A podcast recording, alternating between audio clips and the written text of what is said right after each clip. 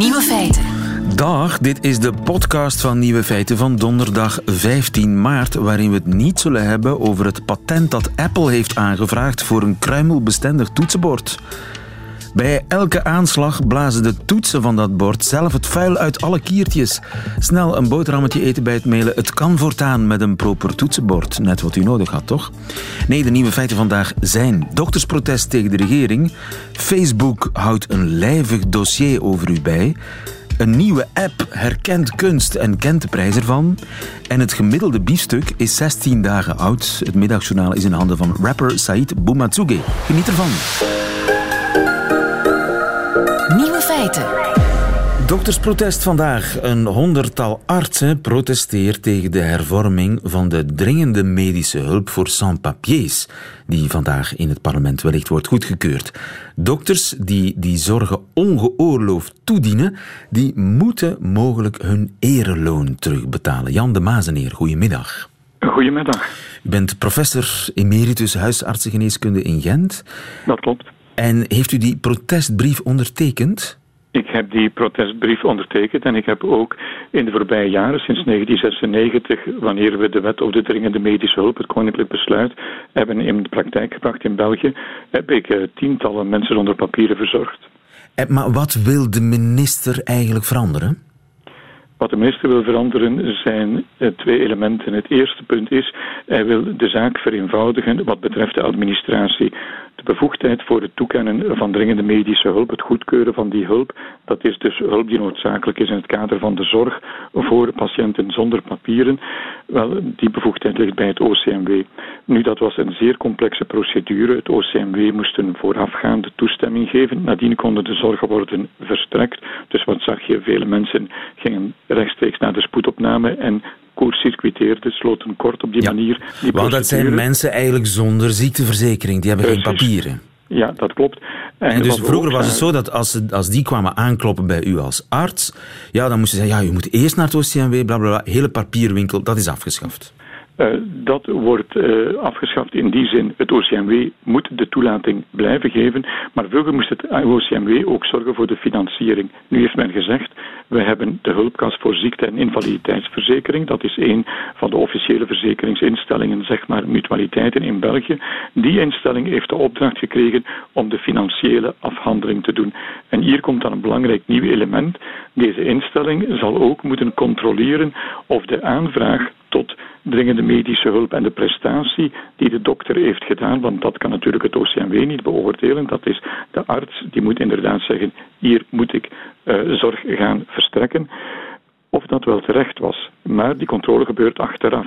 En dan zal bijvoorbeeld een controleur, adviseur van de mutualiteit, de hulpkas, vaststellen dat het niet terecht was. En in dat geval besluiten dat de arts moet het ontvangen honorarium terugbetalen. Dus het zou dus kunnen dat de dokter eh, het geld dat hij gekregen heeft van die kas moet terugstorten, omdat de hulp niet van doen was of niet dringend was. Wel, de definitie van dit begrip is zeer belangrijk. Hè. Toen in 1996 het koninklijk besluit is geformuleerd, werd duidelijk gesteld: dit heeft betrekking op alle medische, preventieve en curatieve zorgen. Eh, Dat betekent als iemand medische zorgen nodig heeft, ook als het is om de gezondheid te bevorderen, dan kan die hulp worden verstrekt. Dus in tegenstelling tot wat de naam doet vermoeden, en dat heeft het kenniscentrum voor de gezondheidszorg ook bevestigd, is de dringende medische hulp niet beperkt tot urgente zorgen. Ja. Nee, bijvoorbeeld iemand met diabetes, suikerziekte, die moet verzorgd worden en dat kan in het kader van deze regeling worden terugbetaald. Maar is het nu eh, zo dat heel veel mensen zonder papieren eh, ja, nodeloos naar de dokter lopen? Wel, we moeten eerst en vooral vaststellen, er zijn ongeveer, we weten dat niet juist, 1% mensen zonder papieren die in België ergens verblijven. We stellen vast dat slechts 10% daarvan eigenlijk gebruik maakt van deze regeling. Wat de andere mensen doen voor gezondheidszorg, ze hebben geen ziekteverzekering, daar kan men zich vragen bij stellen. Het is maar een kleine groep die daar gebruik van maakt. En we stellen vast dat als we in België 1000 euro betalen voor gezondheidszorg, dan gaan er daar twee van naar mensen zonder papieren. Dus dat is natuurlijk maar een klein deel van het budget en het is een kleine groep die daar gebruik van maakt. Het is ook zo dat de verzorging van die mensen gemiddeld minder uitgaven met zich meebrengt dan een, verzorging van een maar Is er misbruik vandaag? Zijn er mensen zonder papieren die nodeloos naar de dokter gaan? Ik moet eh, vaststellen dat uit mijn eigen praktijk, en ik heb vele tientallen, honderden zelfs van die mensen verzorgd, dat ik nooit heb vastgesteld dat dit over misbruik gaat. Het waren allemaal mensen die al veel te lang gewacht hadden vaak om een arts te raadplegen. En het ging over problemen die de moeite waard waren om te verzorgen. Nu komt men aandraven met het rapport van één van die controlerende artsen die uh, betrokken is bij Mediprima. Dat is dan het nieuwe systeem van terugbetaling. En die heeft een rapport gemaakt en die zegt, kijk, op 100 uh, eh, gevallen zijn er zes die ik niet terecht vind. Alleen stellen we vast dat die persoon eigenlijk een foute definitie van het begrip heeft gehanteerd, want die heeft echt gekeken, is dat hier hoogdringende zorg? En die zegt dus ja, een onderzoek van een knie bij een 70-jarige, dat is niet dringend. Mensen met lage rugpijn, dat is niet dringend. Dat is natuurlijk niet wat in de wet staat. In de wet staat dat het gaat om alle medische, preventieve en curatieve zorgen dus die deze mensen nodig hebben. Misbruik is eigenlijk maar zogezegd misbruik. Dat is eigenlijk geen misbruik. Dat is uh, geen misbruik. En het is uh, duidelijk dat men hier die definitie van de dringende medische zorg veel te eng heeft geïnterpreteerd. Ja. Eh, bent u bang dat dokters nu sans-papiers gaan weigeren als gevolg Wel, van de nieuwe wat, maatregel? Wat we vaststellen, en de Orde der Artsen heeft daar ook terecht op gereageerd, is dat natuurlijk de artsen zich nu zullen bekeken voelen. Want ze gaan zeggen, ja, zal ik wel deze persoon gaan verzorgen? Ik riskeer nadien dat de controledokter komt en zegt, deze zorg was niet nodig, dus dokter, betaal maar terug. En het is dus zo dat wij vrezen dat een aantal mensen die tot nu toe deze zorg hebben opgenomen, en ik moet u zeggen, in België hebben veel artsen zich daarvoor geëngageerd, en dat systeem werkte eigenlijk ook goed als ik dat vergelijk met hoe dat in andere landen gaat de zorg voor mensen zonder papieren, doen wij dat eigenlijk goed. Maar wij vrezen dat nu een aantal artsen gaan zeggen: ik ga dat niet meer doen, want ik riskeer nadien moeten terug te betalen. Overigens moet je natuurlijk vaststellen dat het makkelijk is voor een controlearts om op het einde van de rit te gaan zeggen: ja, die zorg was eigenlijk niet nodig of enzovoort. Ja, het verleden voorspellen is natuurlijk gemakkelijk als je met een patiënt voor u staat die zegt: ja, dokter, ik heb acute pijn in mijn, in mijn rug. Achteraf blijkt dat om een probleem te gaan wat al lang bezig is en dat met eenvoudige pijnstillers kan worden verholpen. Ja, dan denk ik dat je toch uh, moet rekenen dat die arts op dat moment een goede beslissing heeft genomen om die vraag van die patiënt ernstig te nemen. Nadien gaan zeggen, het was niet nodig, want zie naar het resultaat. Er is, er is niks ernstig aan de hand. Ja, ja je kunt van, de, van de dokter niet verwachten dat hij de toekomst voorspelt. Dat hij uh, helderziende is van, ah, dat, er is een probleem. Er is een probleem en je, je moet proberen om dat probleem aan te pakken. En vandaag in de zorg ook voor alle mensen is het vaak zo dat wij zeggen, ja, deze man komt hier bij mij met pijn op de borst, dat kan een hartinfarct zijn. Dus ik moet dat nakijken. Blijkt het achteraf iets anders te zijn, zoveel te beter voor de patiënt. Maar dat is precies onze opdracht als arts, om die uh, diagnose te stellen. En dat vraagt dus soms ook wat onderzoek. Daar moeten uh, onderzoekingen gedaan worden. Die hebben een kostprijs. Maar ja, daarzonder kunnen wij natuurlijk geen diagnose stellen. Helemaal helder. Dankjewel Jan de Mazeneer, professor emeritus huisartsengeneeskunde in Gent. Goedemiddag. Graag gedaan. Bla, bla, bla. Nieuwe feiten. Bla, bla, bla. Radio 1. Bla, bla, bla, bla, bla, bla, bla, bla, bla, bla. Stel, u heeft een paar spaarcenten en u wil een goede investering doen. Een schilderij kopen bijvoorbeeld. Maar ja, in galerieën hangt er nooit een prijskaartje bij een werk. Hoe weet u nu dat u de juiste prijs betaalt? Wel, daar is tegenwoordig een app voor. Zoals voor alles. Eh, voor alles is er tegenwoordig een app. De nieuwe app Magnus. Daarmee fotografeert u een schilderij en komt u onmiddellijk te weten hoeveel het waard is. Misschien te mooi om waar te zijn. En daarom trok onze reporter Gilles naar Veilinghuis Bernards in Antwerpen om Magnus te testen. Magnus is eigenlijk een app zoals Shazam. Je neemt een foto van een schilderij en dan geeft Magnus u eigenlijk de laatste veilingsprijs en ook de plaats waar het als laatste is tentoongesteld geweest. Zo hebt jij als onwetende kunstkoper direct een richtprijs waarmee je kunt onderhandelen met de galeriehouder. Een ingenieus concept, dat vond Leonardo DiCaprio ook, daarom dat hij er nu in heeft geïnvesteerd. Maar werkt het ook echt? Om dat uit te zoeken ga ik nu naar Velingshuis Bernards, om samen met de baas Peter eens te kijken of Magnus werkt en hoe goed hij zijn eigen collectie nu eigenlijk kent.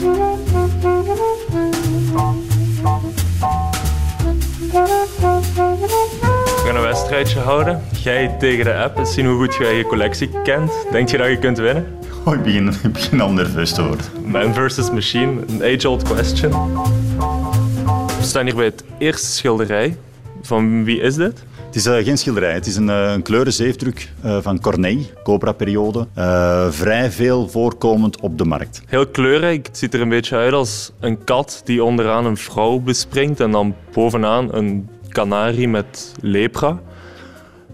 maar we zullen eens kijken of de app het herkent. Hij is nu aan het scannen, het schilderij opzoeken in de database. En er is resultaat. Hoeveel denk je dat dit schilderij of deze lito waard is? Wij hebben het geschat uh, tussen 800 en 1200 euro. Dat is uh, heel straf, want volgens de app zou dit 400, uh, sorry, 540.000 dollar waard zijn. Dat meen je niet. Is dat echt? Ja, dat kan niet. Dat is absoluut dat kan niet. Dat moet gaan over een origineel werk van Corneille. Uh, nee, dit is gewoon een seriematig vervaardigd kunstwerk, waar er dus uh, minstens uh, eh, 25 van bestaan en misschien nog een paar andere épreuves d'artiest. er is niks zo belangrijk als het fysieke, fysieke contact met een kunstwerk om tot een prijs te komen.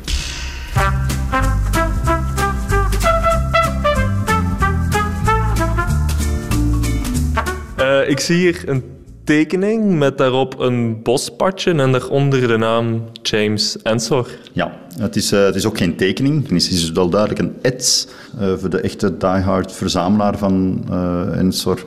Die zou daar moeten voor uittrekken iets tussen 600 à 800 euro. 600 à 800 euro. We gaan eens kijken of Magnus het met u eens is. En inderdaad, 800 euro. Ah, zie. Voilà. We staan gelijk. Je staat gelijk.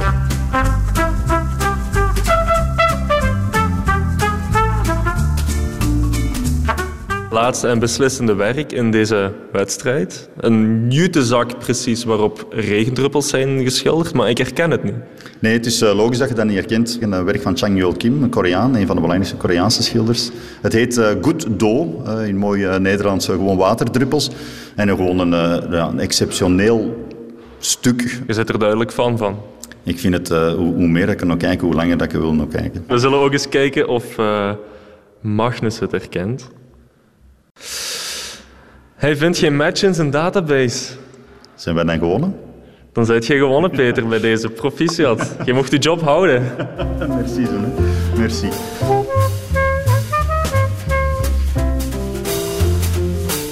Er zijn wat problemen met de app. Werken die hem niet kon vinden. Of inderdaad, zoals je zei, uh, lito's die dan worden herkend als echte schilderijen. Maar denk je dat die app toch een goede zaak is?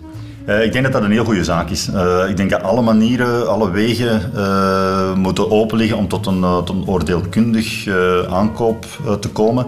Als het echt gaat over belangrijke stukken, is het sowieso een voorwaarde om in de zaal, in de, bij de galerist, bij de handelaar op een beurs aanwezig te zijn, dat kunstwerk te zien.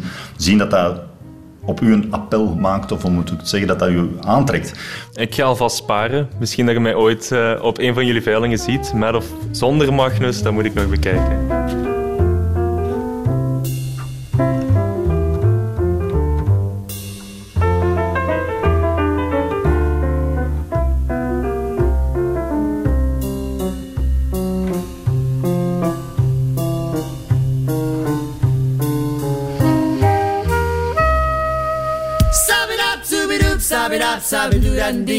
Nieuwe feiten. Heeft u eigenlijk enig idee hoe oud een gemiddelde biefstuk is? Of hoe, hoe oud het biefstuk is dat u eet? Goedemiddag, Luc de Laat. Goedemiddag van uh, slagerij The Butchers in Antwerpen. Het is een vraag die in mij opkwam toen ik hoorde van die partij vlees van 12 jaar oud uit Bastogne, die ze geleverd kregen in Kosovo. Ja. Er was een beetje geknoeid met de etiketten. Ik viel daarvan nogal onver. 12 jaar vlees uit 2004 wordt in 2012, eh, wat was het? 2006 verkocht, 2016 verkocht, zoiets. Ja, uh, schrikt u daar ook zo van? Ja, ik schrok er ook wel van. Ik wist wel dat er uh, producten werden ingevroren die dan op een later datum worden uh, verkocht en verwerkt. En waar dat geen enkel probleem is, maar 12 jaar lijkt mij toch wel behoorlijk lang. Ja. Maar de beesten die u binnenkrijgt, hè, om verder te versnijden tot coteletjes of biefstukken, ja. Uh, of om er Amerikaan van te draaien, ik weet het niet. Zijn die karkassen dan niet bevroren? Nee, wij, wij kopen alles vers. Wij kopen zelfs ook nog levend. Dus wij laten onze dieren slachten in slachthuizen die wij kennen. En dan komen die vers aangeleverd en dan is het de bedoeling dat wij die gaan versnijden. Dus er is een verschil in de versnijdingen. Nu, achterkwartieren, dat is heel technisch. Achterkwartieren, dat zijn de achterste gedeeltes van de runderen. Dat zijn de malse gedeeltes, zal ik maar zeggen. Die laten wij ook hangen. Uh, tot een week, zodanig dat die kunnen uitsterven. Maar dan wordt het gewoon beter dat wordt beter. Dat verliest ook wat vocht. Dus dat wil zeggen dat er uh, qua rendement minder is voor ons. Maar qua kwaliteit en smaak en beleving gaat het veel intenser en veel hoger gaan. Maar dus u weet precies wanneer die beesten zijn geslacht? Ja, klopt. Ja, en wat is zo de gemiddelde datum? Hoeveel week, uh, dagen, weken zitten er tussen ja, het biefstuk op mijn bord en, en de slacht? Wel, u moet rekenen dat een, uh, een, een rund, we spreken nu over rund, als dat geslacht wordt en dat komt uit het slachthuis, dan heeft dat een, normaal gezien een, een uh, 14 tot 3 weken een houdbaarheidsdatum dat het slachthuis meegeeft. Uh, natuurlijk, als dat in gesloten blijft, gaat die bewaring dat zeker en vast kunnen garanderen. De moment dat we daar gaan aan snijden en die deelstukken allemaal apart zouden omhoog hangen in de koelcel, dan wordt het natuurlijk al beperkter. Ja, ja. Door het feit dat je meer invloed krijgt omdat je meer snijvlakken hebt. Maar het vlees uh, wordt nooit bevroren, uh, maar dat is niet in alle slagerijen zo. Niet alle slagerijen zijn even kieskeurig. Uh, het invriezen op zich is niet verkeerd, want wij vriezen ook bepaalde dingen in om te gaan verwerken. Bijvoorbeeld, als wij salami maken, dan moeten wij starten met bevroren vlees, anders kunnen we geen salami maken. Dus er is niks verkeerd met met vlees op een verse manier te gaan invriezen. Nu, als wij vlees gaan invriezen, dan laten we het ook niet eerst hangen en dan gaan invriezen. Nee, dan gaan we het direct versnijden, direct verpakken en liefst nog vacuüm, om dan in te vriezen zodanig dat we geen vriesbrand krijgen. En dan wordt dat vlees uiteraard teruggebruikt voor een aantal bereidingen die we daarvoor nodig hebben. Maar ik heb het eigenlijk over het bevroren karkassen. Bevroren karkassen doen wij niet. Maar andere slagerijen doen dat misschien wel. Ik, weet, ik heb daar geen idee van. Ik, uh, ik betwijfel dat, dat de andere slagerijen dat ook zouden doen, want het lijkt mij zeer onlogisch om alles waar dat nog een bot en alles in zit, om te gaan bevriezen, om nadien te gaan verwerken, dan is dat een heel moeilijk gegeven. Dus als er wordt ingevroren, zal het eerst karkas uiteengesneden worden, om dan in deelstukken te gaan invriezen. En dat zal wel gebeuren, uiteraard. Ja, ja. Maar uh, hoe lang bewaart dan een bevroren karkas? Uh, een bevroren karkas, uh, wel, wij, de ervaring die wij hebben en voor onszelf ook opleggen, dan zeggen wij, kijk, op een temperatuur van min 30 gaan wij producten invriezen en dan geven wij dat maximum 8 maand. 8 maand? Ja. dat, dat is nog iets anders dan 12 jaar? Dat scheelt wel een brok, ja. Inderdaad. Want ja, vlees van 12 jaar, als je dat ontdooit, je gaat er niet ziek van worden, maar, maar smaakt dat nog? Wel, ik denk dat het kwaliteitsniveau heel laag is, als we dan nog mogen spreken over kwaliteit uiteraard. Um, er zou dan eigenlijk een bacteriologe um, controle op moeten gebeuren om te gaan kijken of het nog wel kan. Maar 12 jaar is gewoon het te boze, dat is er gewoon los over. Dat is iets dat uh, niet zou mogen, nee. Ja. Maar het gemiddelde biefstuk dat ik in Vlaanderen in de slagerij koop, dat, is, uh, dat komt niet van een bevroren beest? Nee, dat komt niet van een bevroren beest. Dat zijn meestal dieren die geslacht worden en die dan binnen die termijn van 14 à drie weken, 14 dagen na drie weken worden uh, geconsumeerd. 14 dagen à drie weken, dat is het antwoord op mijn vraag. Waarvoor dank, Luc de Laat. Alsjeblieft. Goedemiddag. Goedemiddag, dag. Nieuwe feiten. Facebook houdt een lijvig dossier over u bij. Het is maar dat u het weet, als u tenminste op Facebook zit. Maar u kan dat lijvige dossier ook opvragen. En dat is precies wat Max gedaan heeft. Goedemiddag, Max. Dag, lieve. Max Vrijens van de webredactie van Radio 1. Ging het makkelijk? Uh, ja, een fluitje van een cent eigenlijk. Um, je verwacht het misschien niet, maar het is heel makkelijk om je informatie te downloaden van Facebook. En is daar een knop voor om dat op te vragen? Wel, er zijn er eigenlijk twee. Um, dus wat je doet is, je gaat naar je instellingen. Bij je instellingen kan je ergens klikken voor download mijn informatie. Oh ja. Ja. Hup, en je hebt het. Je klikt daarop, dan krijg je een mailtje van Facebook terug. En dan kan je via die mail alles eigenlijk downloaden wat Facebook van jou bijhoudt. En was dat uh, schrikken? Wel, zoals je zegt, het was een lijvig dossier. ja? Uh, uh, wat het allemaal was, het is een, het is een soort van samenraapsel van bijvoorbeeld je profielinfo. Dat is, ja, wat staat daar allemaal op? Dat is uh, waar je werkt, wie je familie is, wie je relatie is. Dan ook een samenvatting van alles wat je ooit op je tijdlijn hebt gezet. Ik weet niet of je zelf al wat op je tijdlijn hebt gezet. Ik ben niet zo'n Facebooker. Nee, maar bijvoorbeeld, ik ben gaan opzoeken wat er in 2009 op mijn tijdlijn gezet was. En dat is mijn moeder die zei, hey Max, ben je eindelijk gezwicht voor Facebook? Uh, alle foto's die je ooit... Je was uh, toen 12. Ik, wa ik, was toen een jaar of uh, eh, 18, denk ik. Oké, okay, ja. Ja, um, ja, alle foto's, al je vrienden, alle evenementen waar je naartoe bent gegaan. Zoals bijvoorbeeld het 18-jarige vat in Schaffen of het optreden van James Dead. ja, daar ben ik geweest. Maar dat zijn allemaal dingen die je ooit publiek hebt gemaakt. Die ja. ooit zichtbaar waren voor vrienden van je. Ja, inderdaad, inderdaad. En daarnaast zijn er ook nog dingen die niet publiek zijn. Um, zo oh. houdt Facebook bijvoorbeeld ook bij, en dat vond ik heel raar, maar um, alle telefoonnummers die in mijn smartphone staan. Hè? Dus dat betekent dat zijn er een stuk of... Ik zit daarin 400, dus. jij zit daarin, okay. lieve, onder andere. Daar zit ook mijn... Uh, mijn grootmoeder in, of daar zitten ook bijvoorbeeld uh, personen die ik ooit heb moeten contacteren voor een stuk, zitten daar ook in. Aha. En Facebook heeft die allemaal.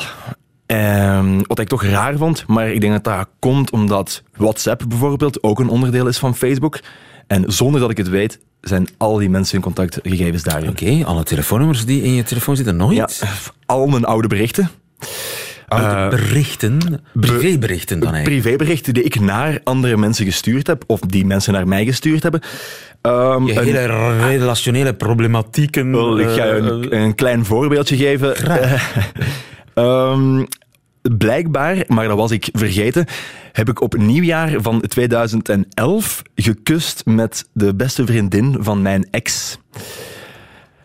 Dat zijn van die dingen waar je misschien liever Dat was toen een heel ding. Dat was, dat was toen een groot ding in uh, Diest en omstreken. Ja. ja. En daarover is heen en weer uh, bericht. Ja, en ja. dat houdt Facebook en Dat houdt Facebook bij, maar niet alleen dat. Want ik heb bijvoorbeeld ook rekeningafschriften, uh, foto's gestuurd daarvan naar mensen... Ik heb uh, mijn identiteitskaart daar ooit een foto van genomen en doorgestuurd. Ik heb mijn bankkaart ooit gefotografeerd en doorgestuurd. Overschrijvingen. En ook bijvoorbeeld een foto waar ik op sta met iets minder kleren dan ik zelf zou willen. Allemaal in de analen van Facebook, als het ware. Ja, correct. Jeroen Baart, goedemiddag. Goedemiddag. Computerwetenschapper aan de Universiteit van Leuven. Zit dat daar allemaal veilig bij Facebook? Dat, dat is maar de vraag voor Facebook natuurlijk. Uh, ik denk dat je in het achterhoofd moet houden dat Facebook zijn doel niet is om een, een, een vrij platform te zijn waarop wij allemaal kunnen spelen, maar Facebook zijn doel is om, uh, om winst te maken op advertenties. Dus um, ja. zij houden die data bij. Daarom, en of zij die goed beveiligen en of zij die delen met derde partijen, daar hebben wij maar uh, naar te raden natuurlijk. Wij weten, wij weten dat gewoon niet. Wel, het, het staat uiteraard in, in zeer omvloerse termen in, de, in de, de, de termen die je accepteert als je een account aanmaakt natuurlijk. Facebook uh, heeft het recht, allez, of kent zichzelf het recht toe om, om, om informatie over jou te verzamelen, om een profiel op te stellen, om dat profiel zelfs aan te vullen met informatie uit andere bronnen. Um, dus in dat, in dat opzicht weten we het eigenlijk wel, maar ik denk dat we het niet beseffen. Oké, okay, dus Facebook kan met die gegevens aan de slag, kan die gegevens verkopen. Die kan die verkopen, ja, dat klopt. En die, dat doet Facebook ook waarschijnlijk. Ja, Facebook, Facebook wil dan adverteerders kunnen zeggen, we willen aan adverteerders kunnen zeggen zoveel mogelijk uh, precisie om advertenties te tonen. Dus bijvoorbeeld in, het geval, uh, in dit geval zou Facebook kunnen zeggen van oké, okay, wij willen uh, enkel advertenties tonen aan mensen die uh, uit de omgeving Dist komen, die tussen de 18 en de 28 zijn. dus in, in dat opzicht probeert Facebook zo precies mogelijk klassen te maken in gebruikers. Ja, dus dat je jezelf blootstelt aan mensen die zeer gericht willen adverteren. Tja, ja. daar schrik ik niet zo van. Waar ik wel van schrok is, ja, bankkaart uh, rekeninguittreksel, uh, genante naaktfoto's die je denkt privé ja. te sturen naar één iemand. Oké, okay, de commerciële ja. kant daarvan is mij ook niet helemaal duidelijk, maar toch. Ja, maar dat, dat is een beetje het, het, een, vals, een vals gevoel van veiligheid natuurlijk. Een, een, een privébericht op een privaat platform zoals Facebook is nooit echt privé. Alleen bedoel, je, je, je stuurt een bericht op een, uh, op een platform dat volledig in beheer is van een, een private entiteit die op geen enkel moment uh, garanties gegeven heeft over de, de veiligheid van die berichten. De, de meest veilige manier om berichten te sturen zijn als je een, een, een, een geëncrypteerd bericht verstuurt waarvan je de sleutels zelf in handen Ja, hebt. daar moet je In wel een, een, een zware computernerd voor zijn. Eh, Max, ga jij nu voorzichtiger Facebooken? Ik denk de hoofdvraag is: ehm, mag Facebook die foto's die ik gestuurd heb naar andere mensen zomaar verkopen? Ehm, en daar zou ik me dan misschien wel zorgen over maken. Maar of ik nu meer, eh, meer ga opletten met wat ik doe. Ja, ik hoop ergens dat er een entiteit is, en in deze dan de regering, hoop ik, die mij toch wel beschermt daartegen. Of is dat niet zo? Eh, ja, de, de vraag is natuurlijk welke regering, hè? Nee, meneer Baart? Ik denk inderdaad dat het reguleren van een, een, een, een gigant zoals Facebook. Ik weet niet of dat, dat één gaat lukken. En twee, wie dat, dat inderdaad gaat moeten doen. Want het internet stopt niet aan de land, landgrenzen natuurlijk. Dus ehm, dat lijkt me zeer moeilijk. Maar een, een klein beetje bewustzijn dat zelfs u je privéberichten ergens in een schuif belanden, waar dan ook ter wereld, zij het in het noorden van Zweden, waar al die servers staan, zij het in eh, Silicon Valley, dat weten we natuurlijk niet. Dat bewustzijn, eh, dat eh, zou wat groter kunnen, denk ik. Hè? Ook bij mensen die- van webredacties van Radio 1. Max. Jeroen Baert en Max Vrijens, dankjewel. Goedemiddag. Nieuwe feiten. Middagjournaal. Hehe. Haat en liefde. Twee begrippen die me zeer nauw aan het hart liggen. Ik haat en ik hou. Zoals ik haat de wereld, maar ik hou van ogen die staren.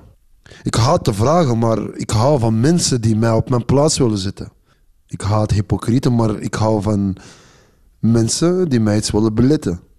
Ik haat mensen met een volle maag, maar ik hou van mensen met een lege maag. Een jaloerserik, ja. Wie haat er geen jaloerserik? Maar ik hou wel van de flikken. Maar ik haat hun blikken. Ik hou van entertainment, maar ik haat theater. Ook al doe ik het zelf. Ik hou van entertainment, maar ik heb niks met radio. Ik haat entertainment, maar ik hou van tv. Oei, een probleem. Maar ik hou wel van mensen die zeggen dat alles onze eigen schuld is. Ja, ja, ja. Het is mijn schuld. Ook al ben ik niet verantwoordelijk voor de miserie en voor de shit waarin ik ben opgegroeid, maar het is wat het is. ik hou van mensen die vragen of alles oké is. Dat is toch lief? Ziekelijkheid? Zo niet? Vraag het dan. Maar ik haat sociale druk. Ik hou van discotheken, maar ik haat mensen die goed kunnen dansen. En ook diegenen die slecht kunnen dansen. Waarom wil die eigenlijk op een dansvloer staan? Ik haat hun. Nee, nee, nee, nee. Ik hou van hun. Nee, nee, nee, nee, nee. Nee, ik haat... Nee, ik haat... Nou. Ik haat huisbazen die mij geen huis gunnen. Maar ik hou van racisten. Ik word graag achtervolgd door racisten. Het is nu eenmaal zo. Want ik haat kerken en werken, maar ik haat ook moskeeën waar ze preken en waar ik niets van begrijp.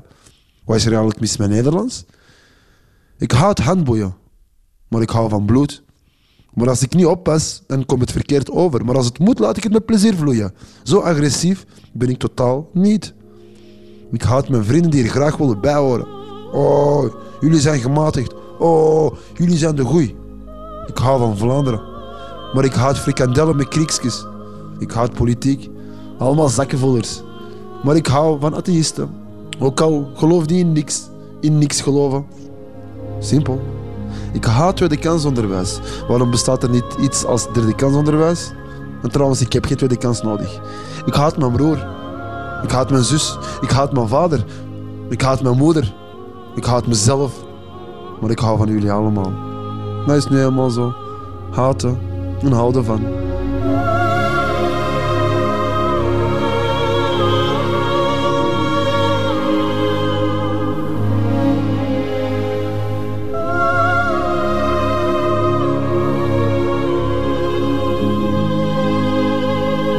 Middagjournaal van Said Boumazouge, de rapper. Eh, de man ook die een rol heeft in Patser, de film. Einde van deze podcast van Nieuwe Feiten. U vindt er nog veel meer op radio1.be en op alle gebruikelijke podcastkanalen. Tot nog een keer.